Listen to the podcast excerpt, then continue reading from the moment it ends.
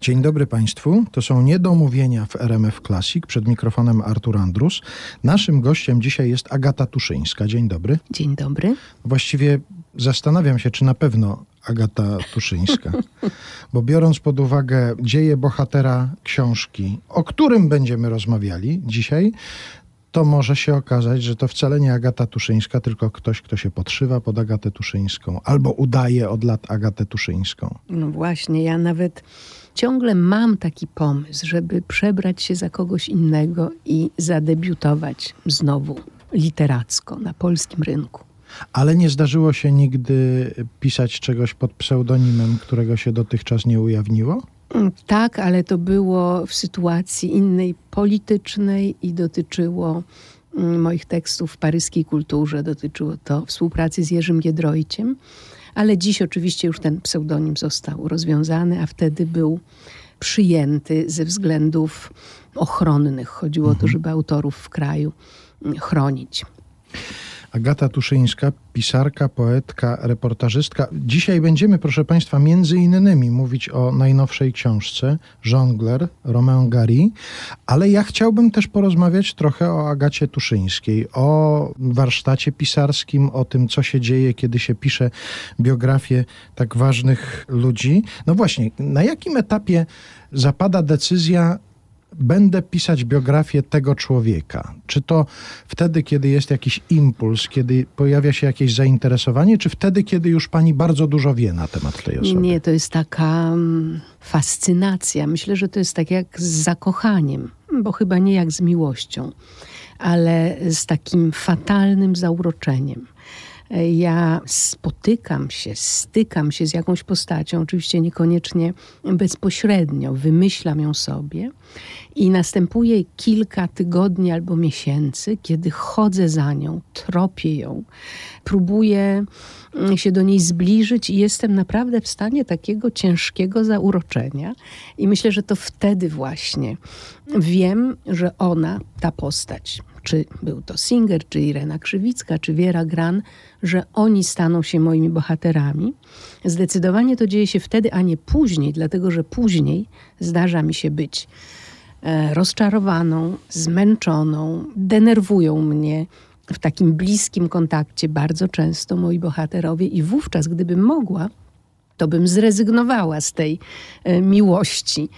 Natomiast na początku to jest no, takie motyle w brzuchu. To jest ten temat, to jest ta postać, która odpowie na wszystkie najważniejsze pytania.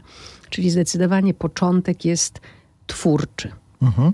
Ale to potem w związku z tym zabezpiecza się pani w jakiś sposób przed tym, żeby nie uciec przed tą postacią, na przykład podpisując już umowę, biorąc zaliczkę w wydawnictwie. Tak, tak. Tak, robię coś takiego, rzecz jasna, ale myślę, że najważniejszym moim zabezpieczeniem jest mm, takie stare poczucie odpowiedzialności wobec moich czytelników. I także wobec bohatera, szczególnie kiedy jest żywy. A to się zdarzało przy okazji i Krzywickiej, i Wiery Gran, z którymi e, spędziłam bardzo wiele czasu i z którymi rozmawiałam, no to po prostu potem nie wypada tak ich zostawić bez niczego. Trzeba się przemóc, trzeba usiąść przy tym biurku, co jest bardzo dotkliwe i bezruch dla mnie jest w ogóle antytezą życia. Ja się muszę ruszać, natomiast pisanie wymaga siedzenia, ale no trzeba to zrobić, dlatego że chciałabym zarazić za każdym razem czytelnika tą moją pasją i pokazać jednak te postaci innym. Natomiast tak to jest takie strasznie samolubne życie z bohaterem spotykamy się w związku z premierą najnowszej książki Żongler Roman Gary, ale rozmawiamy jeszcze ogólnie o tym, jak powstają biografie, książki. Ustaliliśmy na jakim etapie decyduje się Agata Tuszyńska, że napisze o kimś książkę, a kiedy można powiedzieć skończyłam, Ojej, to jest bardzo ciężkie. Myślę, że wtedy, kiedy zaczynam pisać na okrętkę, nie wiem, czy Państwo rozumieją, co to znaczy, ale najpierw jest tak, że jest bardzo, bardzo dużo materiału. Ja staram się wszystko sprawdzić, wszędzie dotrzeć, zbadać wszystkie źródła i jeśli to możliwe, wyrozmawiać bohatera. To znaczy, rozmawiam mm, z nim czy z nią, na przykład z Ireną Krzywicką, tyle razy, że w końcu na te same pytania uzyskuje taką samą odpowiedź. Co znaczy, że na taśmie pamięci zostało zarejestrowane właściwie wszystko, kiedy bohater już nie dodaje innych szczegółów do tego samego pytania. A ja po kilku tygodniach lub miesiącach zadaję to samo pytanie. Mhm. I wtedy wiem, że od bohatera mam już wszystko. Potem gromadzę inne elementy i staram się to jakoś złożyć dla czytelnika w taki sposób, żeby on był równie jak ja pochłonięty tą historią i pochłonięty takim śledztwem biograficznym, które prowadzę. Staram się pisać tak, jakby to była kryminalna powieść, która dąży do odkrycia tajemnicy bohatera. E, I piszę, piszę, piszę, i w pewnym momencie widzę, że piszę już to samo. To znaczy, piszę na okrętkę, czyli pewne sceny ja sama przepisuję w różnych um, szkicach i obrazach, i wtedy mówię sobie stop. Tak dalej nie można, nie może powstać z tego tysiącstronicowe dzieło. I wówczas dochodzi do bardzo takiego bolesnego momentu, którego też nie lubię, podobnie jak pisania nie lubię, mianowicie do skracania i wycinania. Ja zawsze piszę dużo więcej niż to, co się ukazuje finalnie w druku. Niekiedy nawet dwa razy tyle. Właśnie dlatego, że staram się wszystko zgromadzić, ale wiem, że czytelnik nie jest w stanie wszystkiego wchłonąć. Zresztą to nie ma specjalnego sensu. Chodzi o to, żeby postać była krwista, żeby była dramatyczna, żeby ją było widać ze wszystkich punktów widzenia, ale jednocześnie nie można czytelnika zasypać szczegółami. Choć szczegół jest bardzo ważny i bardzo wiele mówiący, ale jednak kiedy jest tego za dużo, czytelnik się gubi. Chodzi o to, żeby go trzymać za rękę albo za twarz, zależy jak to powiemy, od samego początku i nie puścić go, to znaczy nie sprawić, żeby jego uwaga się rozmyła w trakcie lektury. On do końca musi czuć to napięcie, jakie ja sama czułam, nie pisząc ten tekst, ale dochodząc do tajemnicy tego człowieka. Zastanawiałem się, czy pomocną sytuacją w podjęciu decyzji o zakończeniu książki jest to, że na przykład pod drzwiami zaczyna już mieszkać wydawca. No tak, również to, to jest mm, bardzo, to jest ważne i ja sama nie wiem właściwie, jaki mam stosunek do tych deadline'ów, bo z jednej strony to jest ważne, żeby wiedzieć, że któregoś dnia trzeba ten tekst oddać, ale z drugiej strony pisanie z takim węzłem na szyi jest trudne, jest. Um, trzeba się w książce rozgościć, trzeba w książce zamieszkać, trzeba z tym bohaterem pobyć dłużej, ale na moich warunkach, a nie na warunkach terminu. Czyli z jednej strony to jest dobrze, z drugiej strony to jest niedobrze. Oczywiście, gdyby nie było żadnego terminu, wówczas ryzykujemy, że książka się rozleje na wiele lat i wtedy nic dobrego z niej nie będzie. Ja mam taką moją prywatną teorię po napisaniu x książek biograficznych i autobiograficznych, że trzy lata to jest termin nieprzekraczalny, że potem to się zaczyna że zaczynam się sama powtarzać nawet w mojej relacji z bohaterem. I tego nie chcę. To trzeba w odpowiednim momencie skończyć, właśnie jak mówię, żeby zachować taką dynamikę bardzo charakterystyczną relacji ja, bohater i książka czytelnik. Agata Tuszyńska dzisiaj w Niedomówieniach w RMF Classic, pisarka, poetka, reportażystka. Powiedzieliśmy o tym, jak powstaje książka, kiedy się ją kończy, kiedy można powiedzieć, że już skończyłam, już napisałam, a jeszcze w tych opisach dotyczących na przykład y, tej biografii Jongler Romain Gary pojawia się takie zjawisko rozstawania z bohaterem. To rozstawanie trwa równie długo na przykład jak proces pisania, tworzenia, czy bywa bardzo krótkie, że można się na przykład z dnia na dzień rozstać z tym bohaterem, z którym Nie, się czy można lat... się rozstać z miłością swoją z dnia na dzień? No, to jest niemożliwe ale oczywiście rozstania są bardzo różne. Często jest tak, że po premierze książki ja z tą książką podróżuję. Podróżuję w Polsce albo podróżuję po świecie, w zależności od tego, czy książka ma przekłady, czy ich nie ma. I wówczas w takich podróżach oczywiście o bohaterze się opowiada.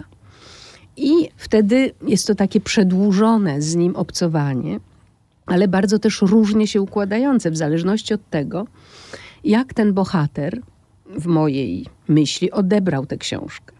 I czasami on daje wyraz na spotkaniach autorskich, pojawiając się. Na przykład Isaac Bashevis Singer stale na spotkaniach autorskich w Ameryce coś robił z mikrofonem. Było spięcie w mikrofonach, więc ja wiedziałam, że coś jemu się nie podoba w tym, co ja napisałam albo co mówię. To się powtarzało wszędzie, w Nowym Jorku, w Miami, w Chicago, wszędzie.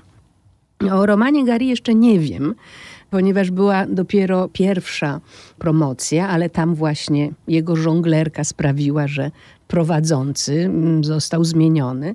E, autorka pozostała ta sama, ale być może to również będzie ulegało pewnym fluktuacjom. E, więc e, w zależności od tego, jak długo o książce opowiadam, jak długo próbuję innych zapoznać z tym bohaterem, tak długo trwa jeszcze to życie po życiu. A jest jakiś rytuał tego rozstawania się, że na przykład zbiera się wszystkie materiały i gdzieś się odkłada Skąd w jakieś wie? miejsce? No, nie wiem, pytam. To jest to. Oczywiście. Ja mam biurko, przy którym pracuję, i z boku jest taka wielka, nie wiem jak nazwać, miejsce, gdzie są wszystkie materiały dotyczące książki, nad którą pracuję. I właśnie w tej chwili patrzę na nią. I widzę tam stosy notatek, zdjęć, dokumentów, kserokopii, materiałów dotyczących Gariego. I właśnie sobie myślę, czy już mogę to e, wyrzucić, to znaczy wyrzucić sprzed moich oczu, dlatego że nigdy tego nie wyrzucam do końca, ponieważ nie wiadomo, kto kiedy odezwie się i będzie chciał coś sprawdzić. Natomiast rzeczywiście jest coś takiego. Ja właśnie już jestem do tego gotowa, żeby Gariego sprzątnąć sprzed oczu i wtedy dać tej półce możliwość zaludnienia się materiałami dotyczącymi nowego bohatera, czy też nowej bohaterki. Ja myślę, że w ogóle takie porządkowanie biurka, które ja uprawiam dość często przed przystąpieniem do pracy, jest bardzo oczyszczające. Ja lubię porządek na biurku, które zresztą jest e, zasłane różnymi kałamarzami i ołówkami na przykład, które zbieram, ołówkami, którymi piszę również, ale lubię ten rytuał oczyszczenia. Od rana jest nowa kartka, nowy ołówek i zaczynamy od początku.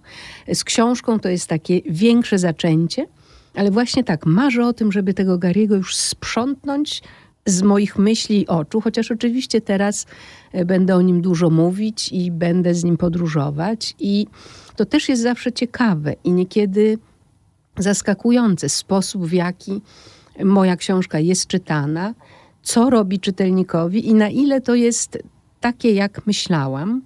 I zwykle jest tyle książek, tyle odbiorów jednej książki, że wydaje się, że napisałam tych książek wiele. To jest bardzo ciekawe. Już nawiązując do tej biografii pisarza Romana Gari, czy Romana Gariego, nie wiem jak odmieniać. Roman... Ja myślę, że to właściwie wszystko jedno. On byłby szczęśliwy że się o nim mówi. Tak jest. Nieważne co, byle z nazwiskiem. Tak jak mówiła Irena Krzywicka. Dziecko, nieważne co mówią, byle z nazwiskiem. Więc y, tak. Tutaj w tej biografii stosuje pani taką formę pisania listów do bohatera. No właśnie. I one odręcznie były napisane, tak? Wszystko było napisane plus minus mniej więcej odręcznie, ponieważ ja piszę na komputerze dopiero drugą wersję książki. Natomiast wszystkie najważniejsze pomysły, rozdziały, początki rozdziałów, końce, momenty tego spojenia jednego rozdziału z drugim no i oczywiście listy.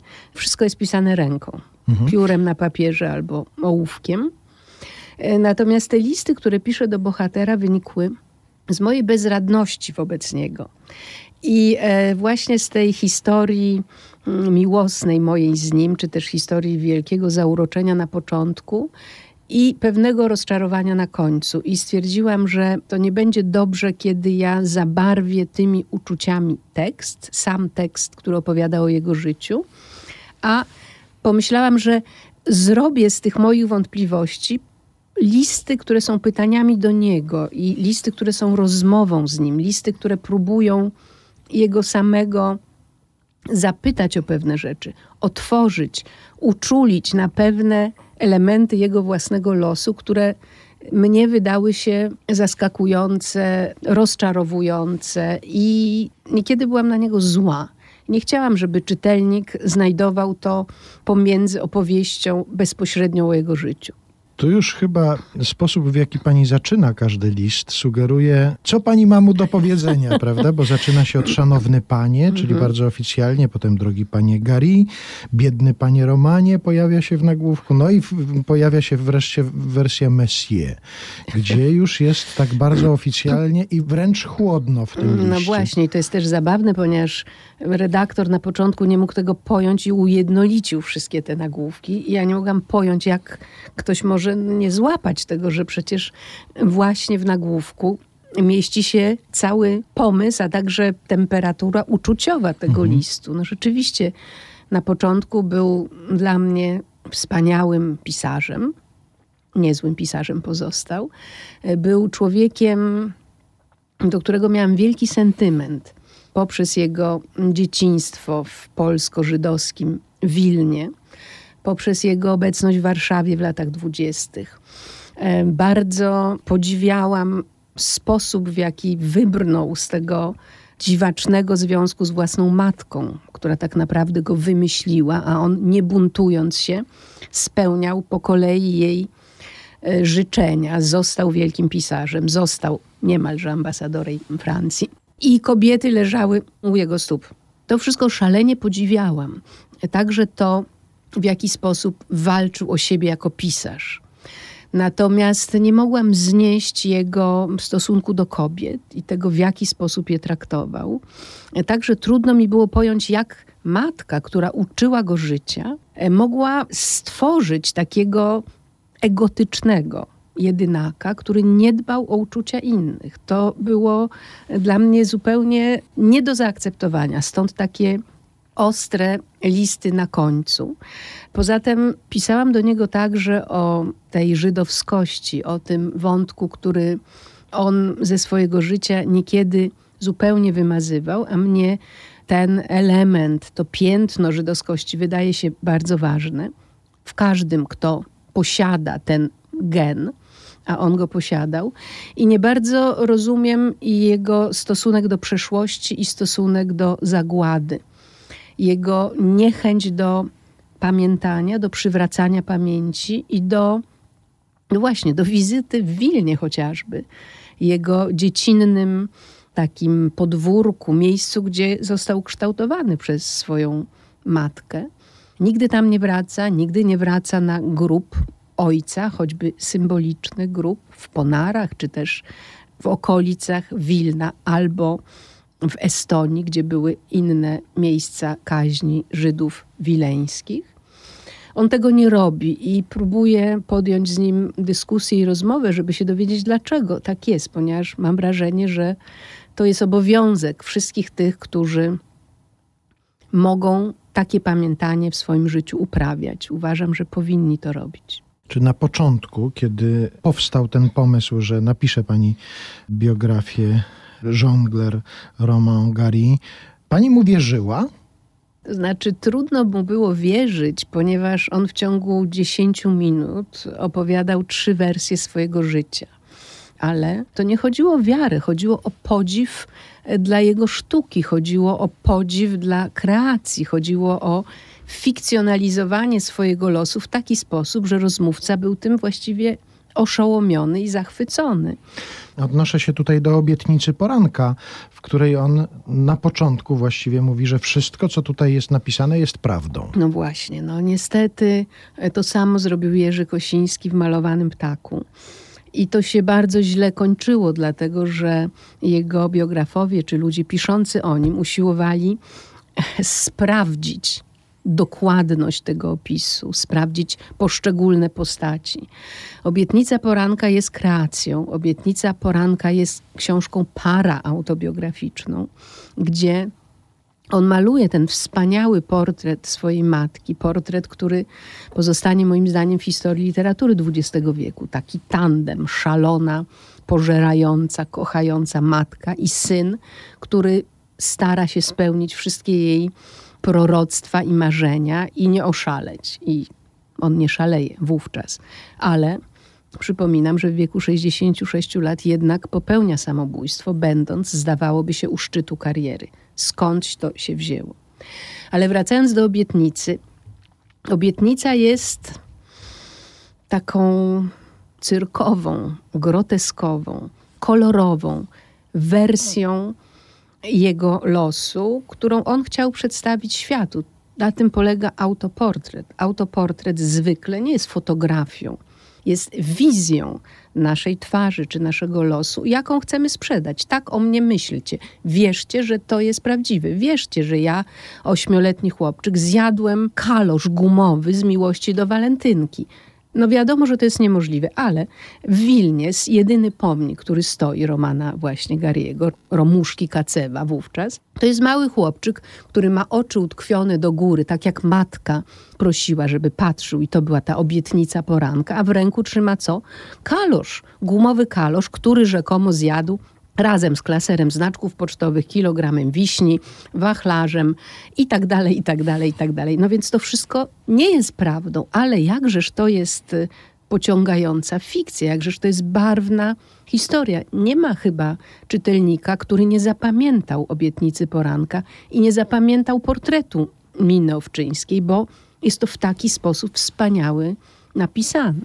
Z tym, że może nie wszyscy zapamiętali y, tę powieść, Obietnica Poranka, w taki sposób, jak pani ją odebrała, bo pani jej nie odbiera jako zbyt optymistycznej opowieści. E, nie, ja myślę, że jest to, on na początku pisze o tym, że jest człowiekiem głęboko smutnym, że jest człowiekiem przegranym, że jest człowiekiem, dla którego życie się skończyło. To też jest ciekawe. On ciągle miał takie czarne myśli, chociaż wówczas miał nie miał nawet 40 lat, kiedy tę książkę napisał.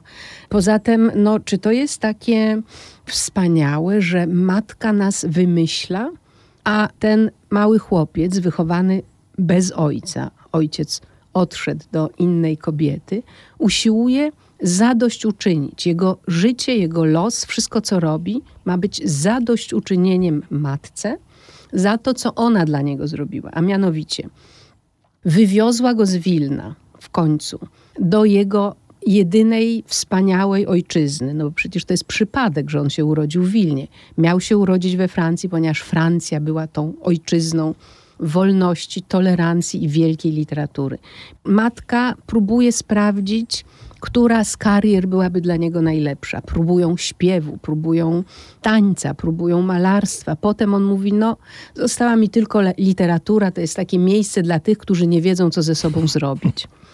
No, może rzeczywiście tak myślał, ale potem zaczyna się ta epoka szukania odpowiedniego pseudonimy. No przecież Roman Kacew to nie, może, to nie jest żadne nazwisko. No, trzeba mieć nazwisko takie jak Balzac, Flaubert, De Gaulle na przykład uważał, że to jest najlepszy pseudonim. Tylko już zajęty był. Tylko był już zajęty właśnie tak jak kilka innych, na przykład Molière, więc wymyślał i wymyślał. W końcu został Romanem. Romain, czyli to jest blisko jego imienia, Roman, prawda? Gary, Gary, Gary. Płoń, płoń, gwiazdo mojej miłości. To jest pseudonim, który jest także związany z matką, ponieważ to była piosenka którą jego matka śpiewała na scenie w Moskwie, ponieważ była aktorką dośmierną, ale za to wspaniałą artystką życia. Nie było w tym dziecku niczego własnego od początku, ponieważ on szedł tymi tropami, które mu podsuflowała matka i to takim głośnym suflowaniem. Wydaje się, że osiąga wszystko, co możliwe dla pisarza i dla mężczyzny. Ma nagrody, ma żony, ma syna, ma dziesiątki książek, a jednak odbiera sobie życie. I ja widzę elementy tego głębokiego smutku już w obietnicy poranka. Ale ja jeszcze chciałbym wrócić do tej naszej rozmowy ogólnej, nie tylko o tej książce, o tym bohaterze. To się już pojawiło w naszej rozmowie, fotografie. Ogląda Pani fotografię swojego bohatera? Szczególnie zwraca Pani na coś uwagę? Patrzy mu Pani w oczy na przykład? Pewnie. Bardzo ważne było dla mnie odkrycie w wileńskim archiwum fotografii z dzieciństwa Romana Kacewa. Tam w Wilnie znalazłam przy pomocy tamtejszych archiwistów bardzo wielki zbiór dotyczący zarówno Miny Owczyńskiej matki, jak i Lejby Kacewa ojca i Romana ich syna. I tam są zdjęcia młodego chłopca, także zdjęcie z matką, kapitalne, kiedy oni właśnie opuszczają Wilno i e, proszą o paszport do mm, Warszawy, a potem jadą do Francji. Tam jest zdjęcie tej pary. To było dla mnie bardzo ważne zdjęcie. Chłopiec jest piękny, ma wspaniałe oczy, jest szczupły, ma taką piękną twarz. Natomiast matka tam, jako młoda kobieta, wygląda jak taka czpiotka, która jest w stanie wszystko w życiu zrobić, która widać, że potrafi walczyć i będzie walczyć o tego swojego pięknego mm, chłopczyka. Zdjęcia są ważne i ja się zawsze staram je odnajdywać, jeśli to jest możliwe. Dorosły Romain Gary, już jako pisarz, zarówno jako Gary i potem jako Ajar, bo przyjął w drugiej połowie życia taki pseudonim, ma bardzo wiele fotografii. To był mężczyzna, który uwielbiał siebie samego, swoje odbicie w lustrze. Jego pierwsza żona opowiadała, że nie przepuścił żadnemu lustru. W każdym musiał się przejrzeć i zobaczyć, jak wspaniale wygląda. Albo, mając już lat 35, narzekał, że ma potworne zmarszczki i na pewno już zaraz dopadnie go starość. A starości się bał. Zresztą sam powiedział, że on ma taką umowę z Bogiem, że starość go nie dopadnie, że to go nie dotyczy, to mu się nie może zdarzyć. No i tak to załatwił, że mu się nie zdarzyło. Ale tak, fotografie są ważne, dlatego że jeśli nie znamy człowieka, jeśli nie możemy go dotknąć, to rozwiązywanie, rozsupływanie tajemnic fotografii jest takim elementem zbliżenia się do tego człowieka i ja to bardzo lubię. Zresztą zawsze, kiedy pracuję nad książką, zdjęcie mojego bohatera jest na ścianie obok mojego biurka i tutaj jest zdjęcie ich obojga, matki i syna, właśnie to zdjęcie z paszportu z lat dwudziestych. A jeszcze chciałem zadać pytanie o pytania. Już kilka razy przywoływałem coś, co pojawiło się w mojej rozmowie, zresztą tutaj w tym programie z Jackiem Hugo Baderem. On powiedział, że on, kiedy pisze książkę reportażową, zadaje pytania na poziomie ośmiolatka mniej więcej, siedmiu-ośmiolatka, że to muszą być takie podstawowe pytania. Domyślam się, że w pisaniu biografii po pierwsze zadaje się te pytania komu innemu, bo głównie sobie chyba, a po drugie, te pytania chyba mogą być inne, nie muszą być na tym poziomie, prawda? Ja muszę powiedzieć, że nigdy nie klasyfikowałam wiekowo pytań, które mhm. zadaję komuś albo też sobie. Rozumiem, że chodziło o to, że te pytania są proste, że one są tak. podstawowe, że są pytania dziecinne, to znaczy nieobawiające się ocen z zewnątrz, że to niby zbyt proste czy też głupie. Mhm. Ja zadaję pytania głównie sobie. Zadaję je sobie także dlatego, że każdy z moich bohaterów trochę służy do tego, żeby odpowiedział mnie samej na moje pytania dotyczące miłości, tożsamości, współpracy z losem czy z życiem. A tutaj gry maskami, możliwości opowiadania swojego losu, czy też fałszowania swojego losu, czy też e, wprawiania czytelników w totalny zawrót głowy, serwując im różne historie. Ja pytałam tutaj siebie samą o prawdę. Czy rzeczywiście owo dociekanie prawdy w życiu bohaterów powinno być najważniejsze? No bo co zrobić z takim Kacewem, Garym i Ażarem, który nie chciał, żeby znano o nim prawdę. Wobec czego moje dociekanie na przykład prawdziwości istnienia jego rzeczywistego ojca, który handlował skórami i nazywał się Lejba Kacew, może nie ma sensu, bo on chciał uchodzić za syna Iwana Mozruchina, który był rosyjskim Rudolfem Valentino i taki romans jego matki był dużo bardziej kolorowy niż ojciec, który siedzi w smrodzie skór i wyprawia te skóry, a potem je sprzedaje w sklepie na ulicy Niemieckiej 31 w Wilnie.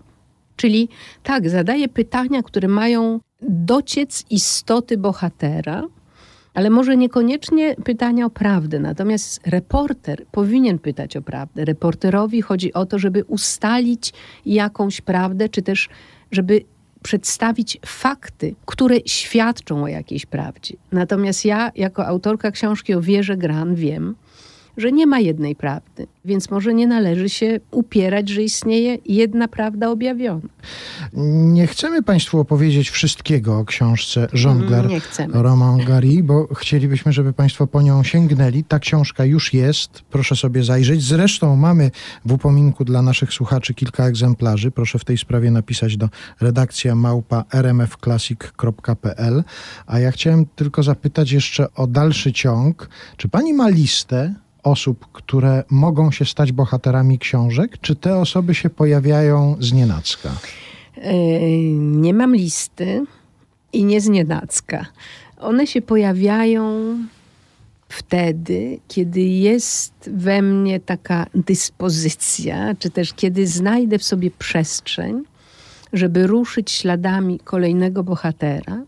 Ale jak powiedziałam wcześniej, ten bohater musi mnie zafascynować. To nie jest tak, że ktoś mi powie: napisz książkę o, tu pada nazwisko, i ja się godzę. Tak nie było nigdy i nigdy nie napisałam nic na zamówienie, w tym sensie, że ktoś mi pokazał bohatera i powiedział: zrób to. Chyba, że tak było przy Irenie Krzywickiej, ale ja zapałałam do niej wielką miłością od początku i spędziłam z nią wiele miesięcy życia na rozmowach.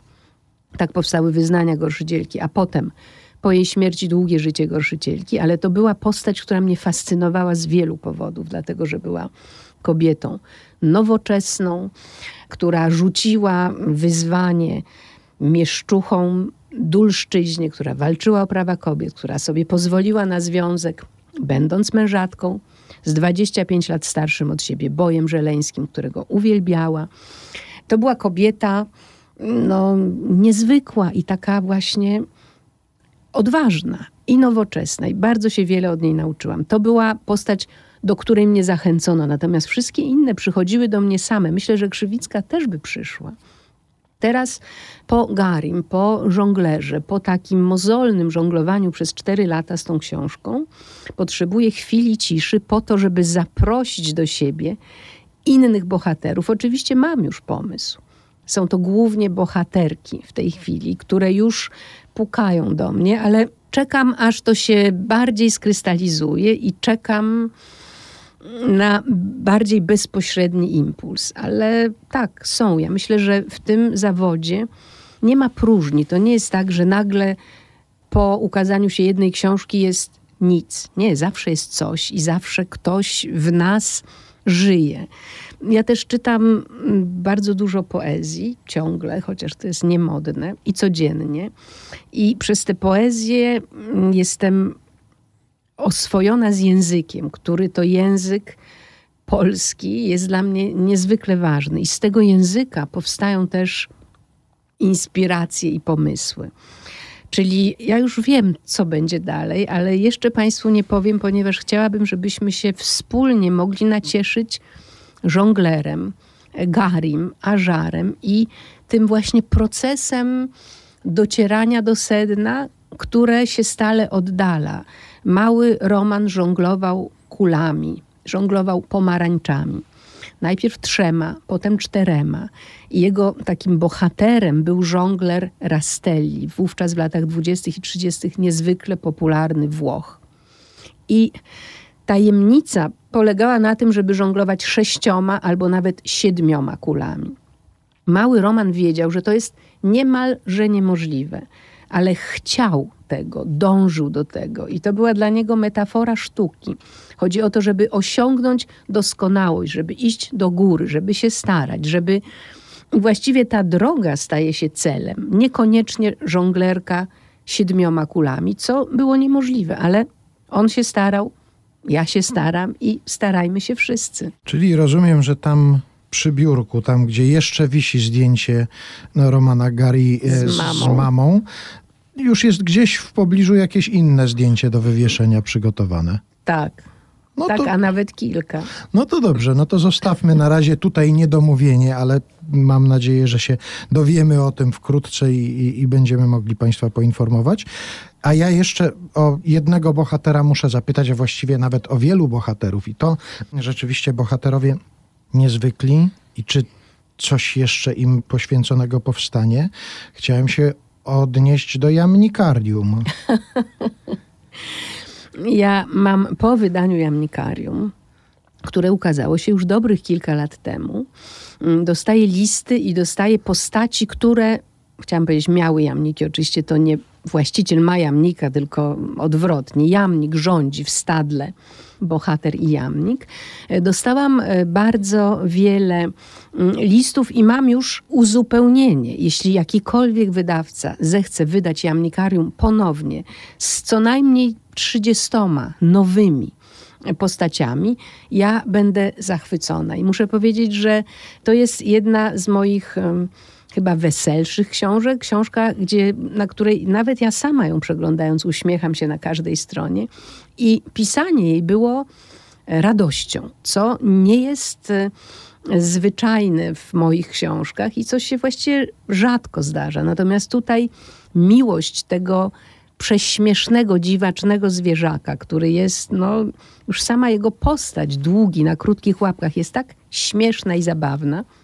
To jest pies artystów, ludzi o rogatej duszy, pies, który wie, czego chce, który rządzi w domu, który rządzi domownikami i który jest no, po prostu cudem świata. Mój jamnik Lonia, który jest współautorem tej książki, ma 16,5 roku i nadal cieszy się życiem. I oby jak najdłużej. Oby. I mamy nadzieję, że miłośnicy jamników będą lobbowali w sprawie tej książki Bardzo proszę.